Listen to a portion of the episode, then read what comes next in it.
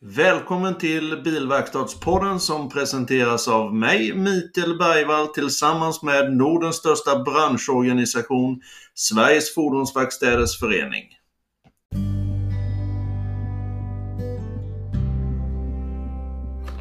Dagens avsnittssponsor är Formac. Formac är ledande i Norden inom kundunika tryck och svensktillverkade innovativa profilprodukter för bilhandlare och verkstäder. Formac erbjuder varumärkesbyggande och värdeskapande specialprodukter och trycker på de flesta material. Formac har hjälpt personbilshandlare, bil och däckverkstäder att skapa lojala kunder och att bli effektivare i sin arbetsvardag i över 35 år. Formac. Ja, idag är det då den 29 januari 2021. Ungefär 40-45 cm snö har fallit utanför huset. Hur har du det Janne Leiding på Klockeholm? Ja, det är vitt och vackert och det kom väl kanske hälften av vad du säger, men det var precis lika tråkigt att skotta.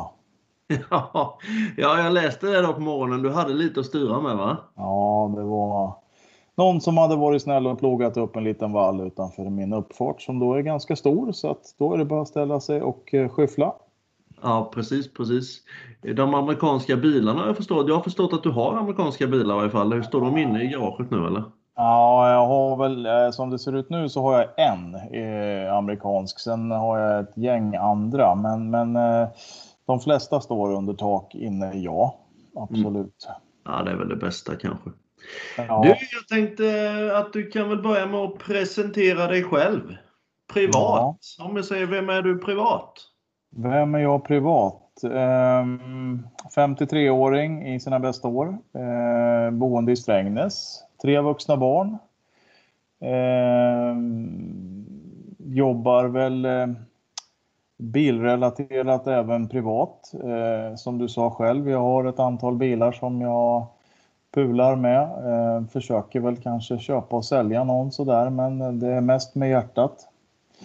Eh, jag älskar att åka skidor, så att snön här nu gör ju att man blir lite sugen kan jag säga. Men eh, jag är en av dem som försöker i alla fall eh, sitta still och rida ut pandemin, eh, vilket är jättetråkigt att prata om, men, men den, den, finns där i alla fall.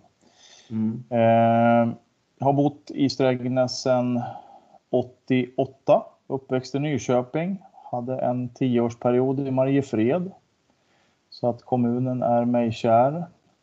Jag eh, jobbar som fritidspolitiker, sitter med i kommunfullmäktige i Strängnäs eh, och i några andra nämnder också.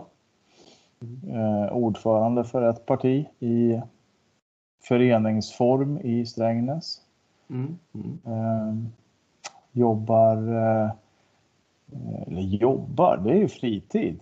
Eh, Kungliga Automobilklubben eh, med och roddar med Midnattssolsrallyt. Jaha, som, trevligt. Sitter som vice ordförande i motorsportavdelningen där. Där ser man. Det hade jag faktiskt för ett antal år sedan när det gick ner i Vimmerby så körde ni förbi min gård jag har utanför Tuna där precis faktiskt. Ja, Precis, det är nog stor risk att jag var där ute också för jag brukar hänga en stor kamera på armen och springa rätt ut i skogen när jag håller på med sånt här. Okej, okay, okej. Okay. Så att eh, när jag hade tid över så, så tog jag bilen och så körde jag så långt ut jag kunde på sträckorna i skogen. Eh, trevligt. Och fotade väldigt mycket faktiskt. Och gör fortfarande. Ja, men det är väl jätteroligt. Alltså jag, det jag kommer ihåg från det loppet där så kommer jag ihåg Roland Appelskogs lilla trevliga hundkoja han körde med. Ja, Ja, det är några schyssta bilar som har varit med faktiskt under dem. Jag har hållit på med det där i sex år. Ja, eh, och eh, ser verkligen fram emot att vi får det här till stånd nu i juli i, eh, i mm. Karlskoga. Ja, men jättekul. Annars är det väl där du bor nu, är det inte lite rallycrossnäste Strängnäs?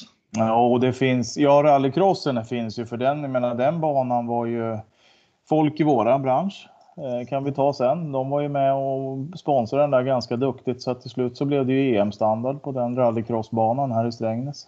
Mm. Mm. Så att det har ju varit mycket här ute, absolut. Mm. Kanonfint, då vet vi lite mer om dig. Ja. Eh, hur ser din karriär utav? Jag vet ju att du har ett brinnande motorintresse och bilintresse. Hur, hur började alltihopa? Ja du, det började nog där redan typ när jag var två år skulle jag vilja säga, så fort jag kunde stå upp. Eh, då satt jag och körde leksaksbilar på min mormors eh, rutiga eh, eh till frukost. Så att de bilarna har alltid varit där. Eh, sen har man gått i skola och allting sånt där också. Men, men eh, 89 så började jag nog karriären bilrelaterat.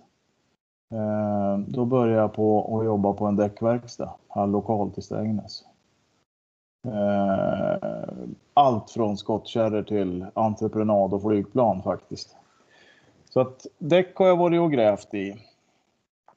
Sen så var jag eh, föreståndare för en bensinmack. Då så hette det Hydro. Eh, de är borta idag, i alla fall härifrån Sverige. Har säkert bytt namn också. Eh, Sen tänkte jag väl att nu är det dags att göra någonting av livet. Så att jag eh, började plugga juridik. För att ja, bygga på min allmänbildning egentligen. Det var väl inriktningen. Mm. Sen fick vi vårt andra barn. Så då klippte jag det. Jag läste två år och sen så tänkte jag att ja, men då får det räcka så länge för att annars hade det blivit pendling med skolan och sen småbarn hemma eh, upp till Uppsala för att fortsätta. Så då, då, då, valde jag att kliva av och börja jobba igen. Mm. Eh, så jag var på macken där ett tag till, men sen så eh, gamla kollegor i branschen eh, nystade om att eh, Mekonomen skulle flytta sitt lager från Stockholm och bygga nytt här i Strängnäs. Mm. Så då kontaktade jag en gammal kollega som då hade blivit tillsatt som logistikchef på Mekonomen och eh, började uppe i Stockholm i Centra. Ja. Åkte fram och tillbaka innan bygget var klart. Mm. Och sen så var det ju fysisk flytt av allting och uppbyggnad på plats här nere med struktur, hur plockordningar skulle se ut, hyllor skulle stå, allting sånt där. Så jag var med från scratch faktiskt. Ja, vad kul. Ja, det var lite roligt. Och det var en rolig tid också. Det var väl ett 30-tal människor då bara. Eh, jämföra med vad de är idag. Eh, nu är de några fler. Ja, några fler, precis. eh, men det var en kul tid, absolut. Och, och sen så, ja, eh, var, vi, var jag på lagret där i, ja, det var ju egentligen bara två år. Sen så fick jag chansen att vara med och utveckla lite eh, på Mekonomen. Byggde om lite butiker ute i landet. Bland annat köpte de ju upp Bilas nere i Östergötland. Mm. Eh, och var med och byggde om de sex butikerna till Mekonomen.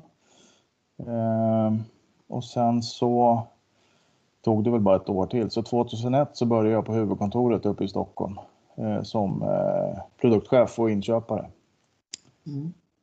Eh, fortsatte väl där i, blev det nu då, till 2006. Då dök det upp likvärdigt jobb på ABR. Faktiskt. Mm. Som eh, produktchef och inköpare där också. Så då hoppade jag på det. Mm. Eh, ABR det är ju sån här kund som, eller kund, företag som har alla kunder i hela Sverige i stort sett. Så där fick man ju ytterligare ett större kontaktnät rent verbalt också, för det var ju support på telefon då också. Så det, det, var ju eh, det var ju lika roligt det som man har haft på Mekonomen. Mm.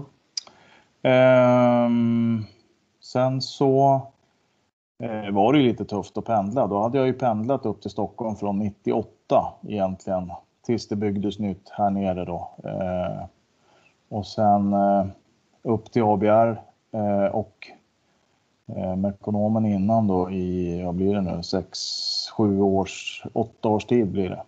Mm. Eh, så att då dök det upp en säljtjänst, verkstadssäljare på Meka. Så då körde jag Sörmland, Västmanland, eh, södra Dalarna. Vi har haft, haft typ samma jobb du och jag då alltså? Ja, faktiskt. Vi är väldigt nära kollegor just i det eh, syftet där. Aha. Ehm, sen så pågick väl det några år Eh, sen så blev jag ansvarig faktiskt för sälj till eh, alla deras franchisebutiker. Det var faktiskt 21 stycken franchisebutiker då i Mekas kedja och även då ansvarig för försäljningen till olika eh, originalhandlare, bilhandeln. Mm. Eh, så det var väl det jag höll på med i ett och ett halvt, två år någonting. Och jag började väl resa då, det var ju hela Sverige. Eh, mm. Sen så sista halvåret faktiskt på Mekonomen där 2000 eller Meka var jag på då, men det var Mekonomen Group. Det hade ju blivit en, en sammanslagning där. Mm. Eh, så jobbade jag faktiskt ganska hårt med i, ja, vad kan det vara, drygt ett halvår i alla fall med att försöka utveckla det som hette Meka Plus. Ja, just det. Eh, och det var ju även tänkt till Mekonomen egentligen, att de hade de här mega anläggningarna då med, med ett stort antal verkstadsportar i och allting. Eh, nu fick vi till en i alla fall där och det är väl den som ligger i Rosersberg. Sen så vet jag inte hur övriga världen ser ut idag när det gäller det. Men det var väl det sista jag gjorde där. Mm. Eh, det var alltså det Hansa tog över sen då, med andra ord? Ja, precis. Det där var ju grabbar från Solna först som startade upp. Ja, just det. Eh, men nej, det var en eh, mycket intressant resa faktiskt. Tycker jag själv. Ja, det förstår jag. Jag tror inte att jag kommer ur branschen heller om man säger så. så att, det är roligt att ha gjort många olika saker, helt klart. Mm. mm. Ja, men visst är det så. Visst är det så. Och därifrån sedan då, du har ju en otroligt gedigen bakgrund alltså inom fordonsbranschen måste jag ju säga. Mm, ja, det har ju hunnit med några grejer i alla fall. ja, definitivt. Faktiskt. Därifrån blev det sedan då eh, Klockerholm vad jag förstår. Ja, ja.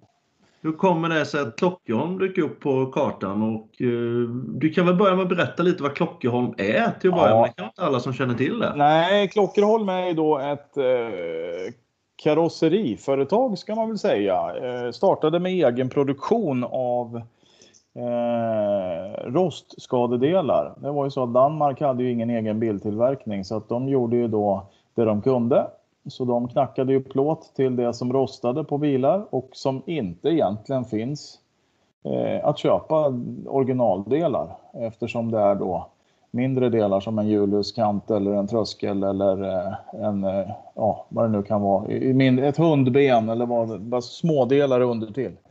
Det var där man började för 51 år sedan, 52 snart. 1969.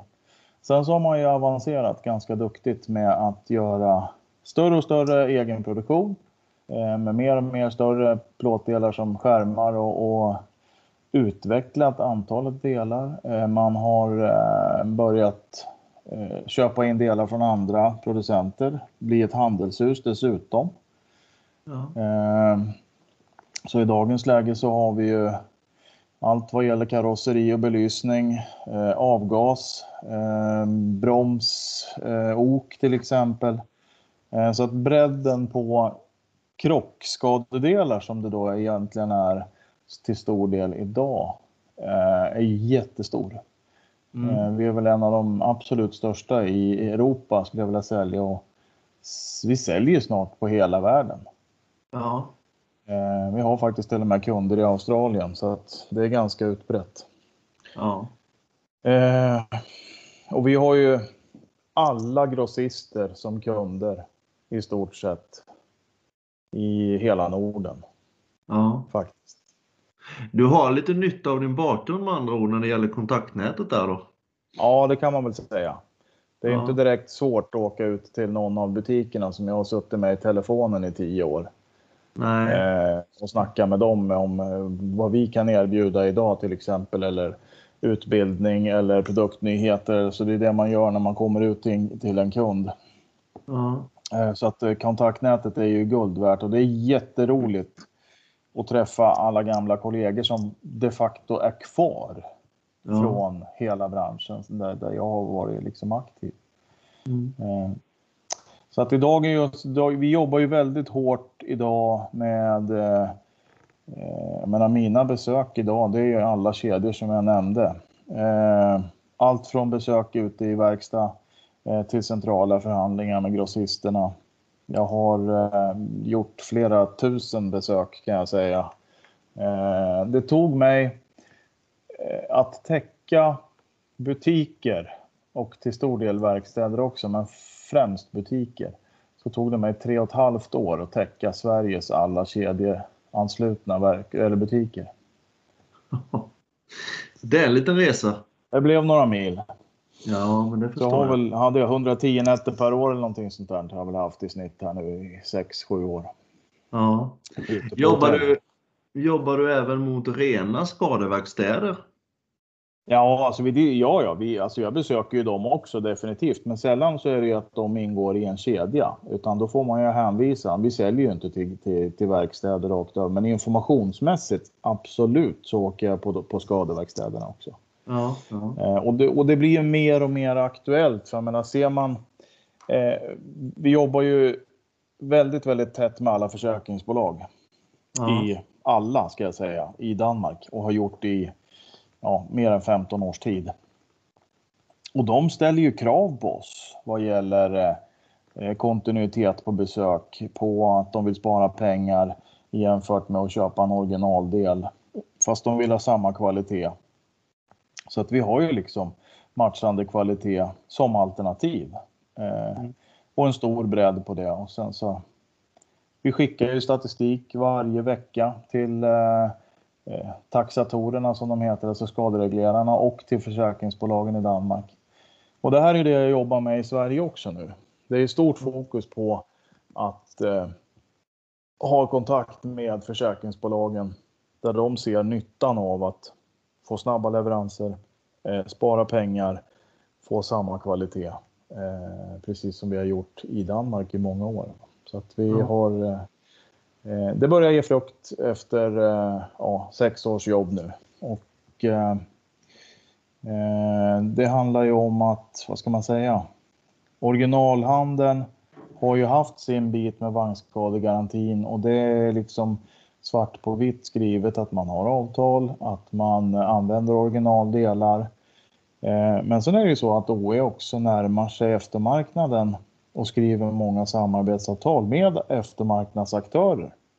Mm. Och det innebär ju liksom att eh, precis som jag jobbar då med mitt, mitt, mitt mission impossible här nu och få med alla försäkringsbolag.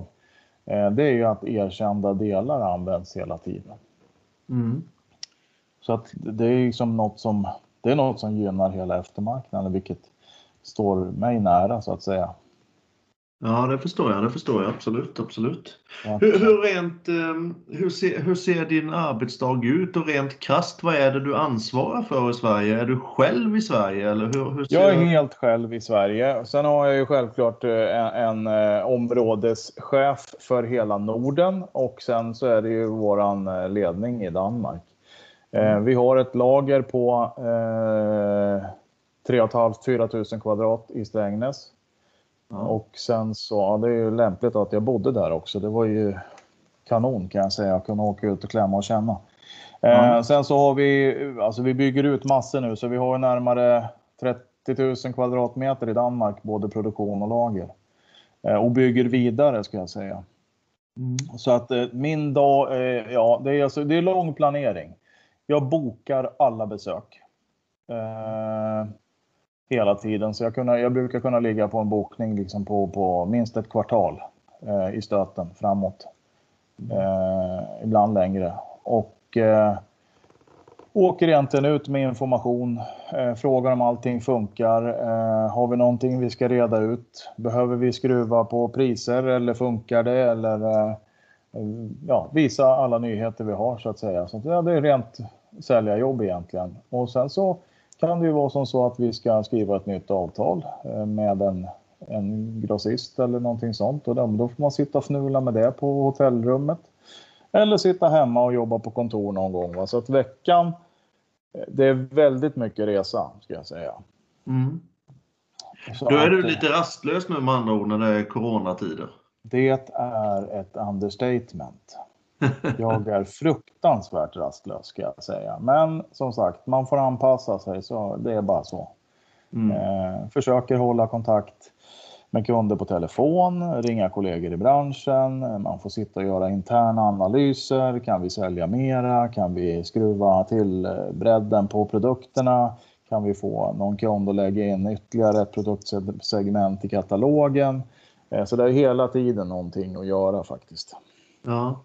Hur ser det rent säljstatistiksmässigt ut på, för er på, på Klockholm? Har ni tappat omsättning under pandemin eller hur ser det ut?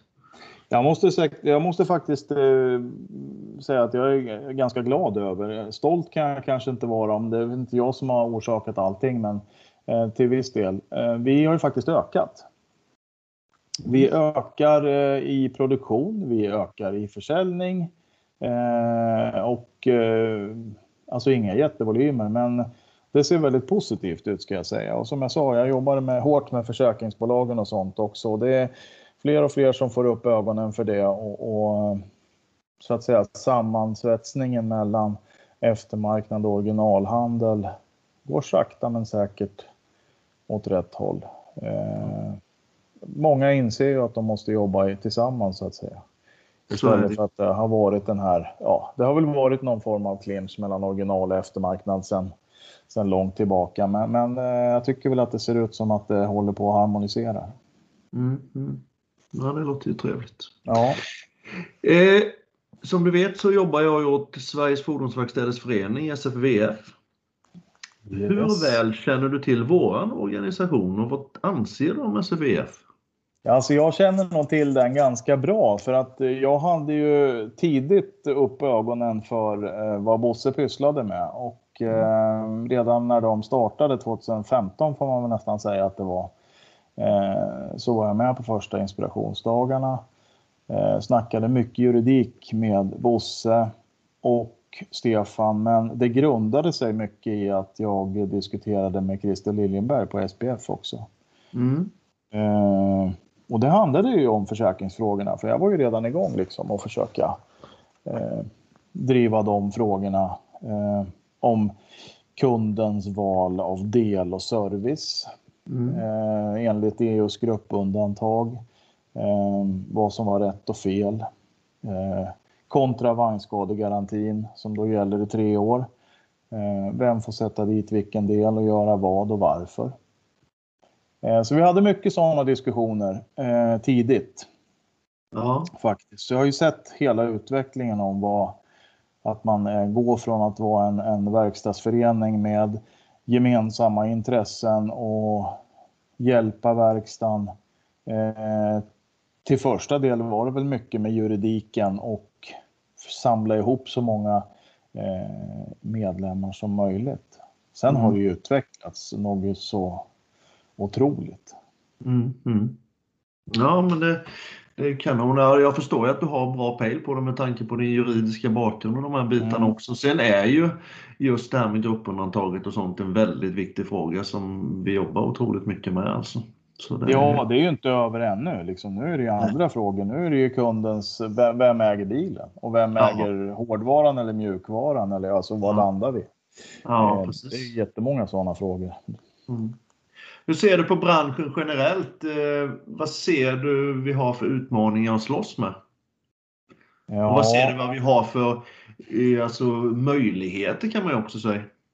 Ja, det, alltså det, det är alltid två sidor av ett mynt skulle mm. jag vilja säga. Och, och, eh, jag satt och funderade lite på, på vad man skulle ta upp när du, när du drämde iväg frågan här nu igår kväll halv tio. Eh, Ja, alltså digitaliseringen, den är svår att komma undan. Mm. Det är ju en, en eh, tryckande punkt. Men eh, frågan är ju liksom, i digitaliseringen så, så har vi ju en kund eh, när det gäller våran bransch. Eh, vad ser kunden och vad vill den se? Eh, I dagens läge så tror jag att man, bilägaren liksom, det förväntas fungera allting ska fungera med kontakt, service, marknadsföring, allting. Det finns på nätet. Eh, du blandar liksom bilen idag med en uppkoppling. Allting är mobilt. även i bilen. Mm. Så där liksom, ska man köpa en bil till exempel så följden av att köpa en bil så, så hamnar du i ett läge där du måste serva den också. Men vad ligger i fokus då vid köpet? Media kommer att finnas i bilen. Eh, du kanske ändrar körcyklarna framöver, det vet vi ju inte. Du kanske inte styr själv. Eh, allting sånt går att lösa med digitalisering, men sen har vi en infrastruktur. Och det vet jag ju Bosse håller på med också. Mm. Eh, hur ser det ut liksom? Hur kommer styrningen att se ut av bilar och, och vilken generation av bilägare adresserar vi? Det är också en, en eh, puck och, och jag menar, jag hörde ett exempel här nu i, eh, i veckan där eh, en kollega i branschens son skulle övningsköra och så skulle de börja titta på bil. Och bilen är, egentligen var inte alls intressant utan hade den wifi och pekskärm, det var det som var intressant. Så det är väl sådana grejer som, ja men det är lite så. Ja visst är det så. Jag menar, helst ska du väl kunna snapchatta bilen till verkstaden liksom och sen få tillbaka den på samma sätt. Jag vet inte var vi landar någonstans men, men vi må, alltså det, det är det man ska förhålla sig till. Mm. Mm. Eh, men sen finns det ju en väldigt viktig punkt som, som ligger liksom och trycker på hela branschen och det är miljön. Mm. Jag jobbar ju en del med, med sånt på min fritidspolitiska bana också. Ja. Det är man tvungen till eftersom eh, styrningen går liksom genom politiskt styrt Agenda 2030 och det ska vara fossilfritt framöver 2040. Eh, mm. Och då har vi tekniken, den går ju otroligt fort. Så vi ja. har ju en teknik, vi har ju en teknik eh, där det gäller batterier och uppladdning och det kommer ny teknik hela tiden.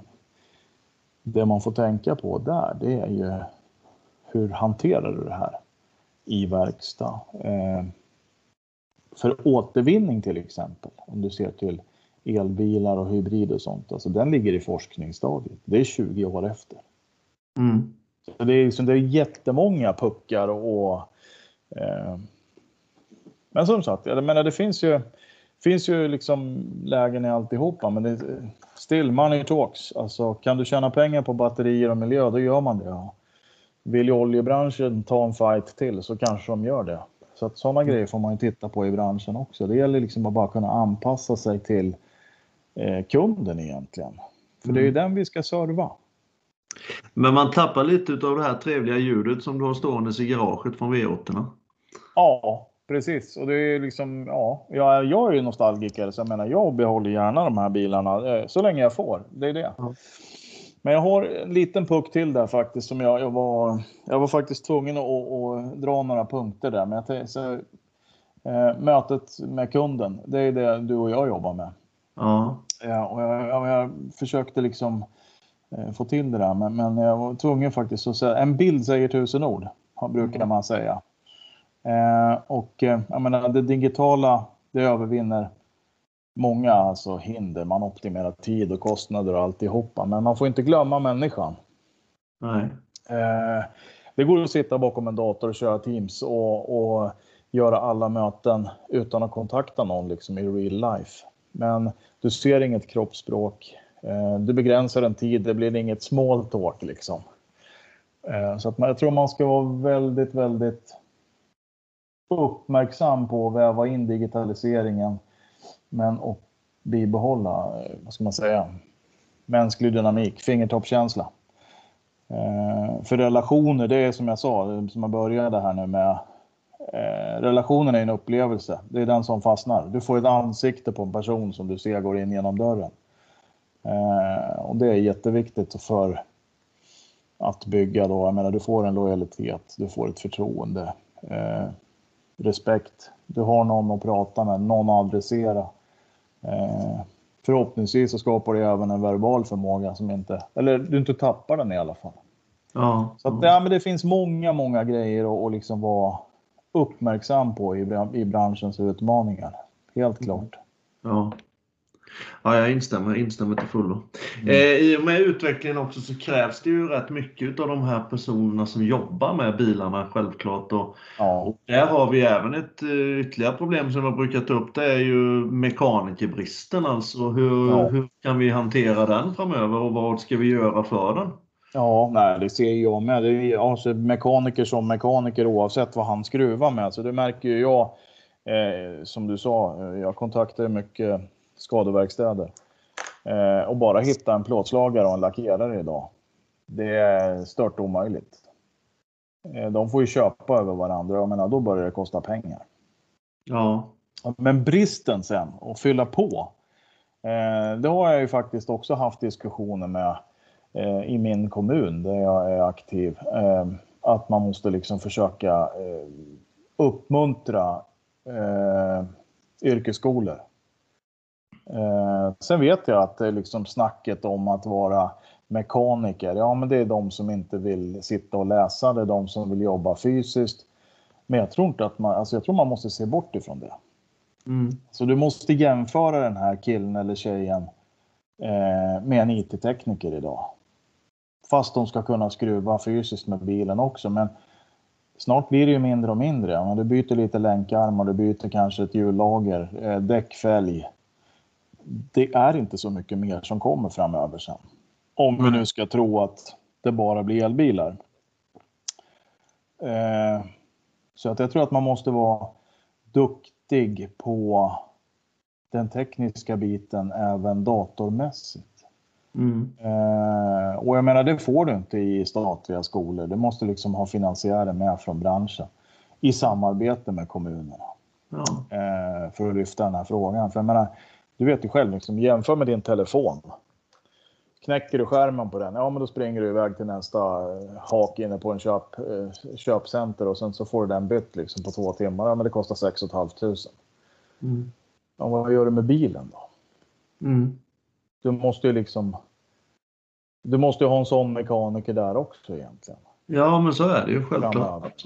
Jag menar, ska det vara en pekskärm i alltihopa så, så jag, jag tror inte att man kan tänka på att de eleverna är eh, eh, mindre funtade att sitta och läsa, läsa liksom in teknik och, och allting sånt. Alltså, eh, man tror att man kan ta de som inte riktigt vill vara med och, och, och, läsa utan ska köra det fysiska. Jag tror man måste tänka bort ifrån det och sikta högre på de som, som vill läsa också. Och då tror jag att man måste visualisera möjligheterna för, för eleverna eh, och lyfta ambitionerna angående tjänsterna. Så det krävs mer av eleven än att inte vilja läsa.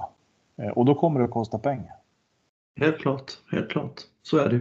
Nej, vi kan väl båda vara överens om att det här att ligga i en smörgrop och skruva avgassystem, det, det, är liksom inte längre överhuvudtaget att skita ner sig, utan det är ett högteknologiskt jobb faktiskt. Ja, definitivt. Och det kommer ju bara bli värre och värre. Jag menar, det är ju, det är ju snart åter till eh, tyska utvecklingsföretagen eh, som har vita rockar när de eh, bygger sina eh, tekniska grejer. Eh, det har de haft länge. Eller inte, nej, inte vita rockar, men de har haft verk, verkmästarrock på sig om man säger så. Ja, ja precis. Jag tror vi, vi kanske måste liksom lyfta ögonen till att eh, det blir en, eh, upp, ett uppskattat jobb och jag tror man måste kräva mer av eleverna också faktiskt. Inte bara tro att man kan plocka de som inte vill läsa utan man måste ta de som är duktiga och vinkla in dem på bilteknikerlinje.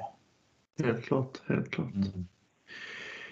Du, eh, det är fantastiskt trevligt att prata med dig och vi börjar mynna ut mot slutet här lite. Ja. Jag tänkte kolla lite med dig Jan ifall det är någonting vi har missat nu eller någonting du vill tillägga kring dig själv som person eller branschen eller någonting sådant.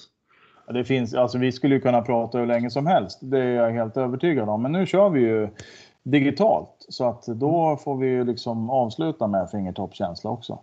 Absolut. Ja, precis.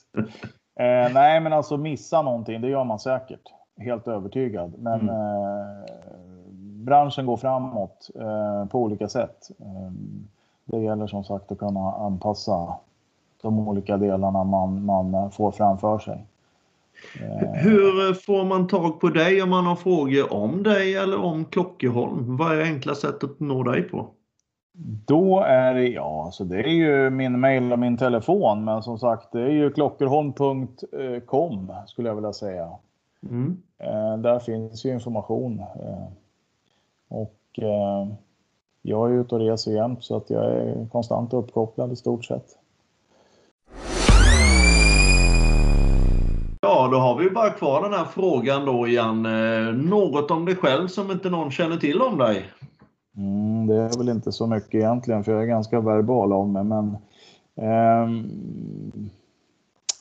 jag har fikat med Felix St. Clair, fotografen i Sällskapsresan. Eh, han som fotar Brännströms mekaniska och folkskidan i Kirchberg. I Chamonix så uh, fikade jag med honom där nere när jag var nere och åkte lite avancerad skidåkning på tidigt 80-tal. Eh, det är ju riktigt trevligt. Det, det är typ jag mötte Lassie. Nej, men sen har jag faktiskt en grej till som jag tror väldigt få vet om. Det är ju när vi eh, när hela Mekonomens lager flyttade ner till Strängnäs så var ju det en tom byggnad. Och eh, jag tror jag är den enda som har utnyttjat från hörn till hörn Mekonomens hela yta till skateboardåkning faktiskt. Åker du själv då menar du? Ja, ja självklart. då så gjorde jag det. Skateboard är ju ytterligare ett par saker som du, får, som du kan lägga till då. Ja, ja absolut. Jo, men det började, skateboard började jag med 77 tror jag. Det var rätt tidigt. Ja. ja. Vad heter han Tony? Vad heter han den där kända? Tony Alva. Just det, just det. Ja. Ja. Sålde min bräda till en kompis för jättelänge sedan. Eh, ja. Jag har försökt köpa tillbaka den men den finns inte. Okej, okay, okej. Okay. De är dyra idag. Ja, jag förstår det. Han var väl skateboardproffs också, han, eh, den här kända Paul Holknekt, eller vad heter han? Ja, det stämmer nog. Eller ja, proffs vet jag inte men han Ja, det gjorde, han. Han körde väl på heltid. Ja, jag tror det. Per Holknekt heter han förresten. Ja, precis. Ja, just det. Du Janne, stort, stort tack. Sköt ja, om dig. Detsamma. Ha det gott. Detsamma. Hej. Hej.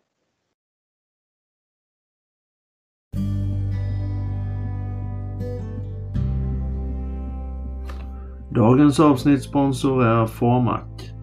Formac är ledande i Norden inom kundunika tryck och svensktillverkade innovativa profilprodukter för bilhandlare och verkstäder. Formac erbjuder varumärkesbyggande och värdeskapande specialprodukter och trycker på de flesta material. Formac har hjälpt personbilshandlare, bil och däckverkstäder att skapa lojala kunder och att bli effektivare i sin arbetsvardag i över 35 år. Formac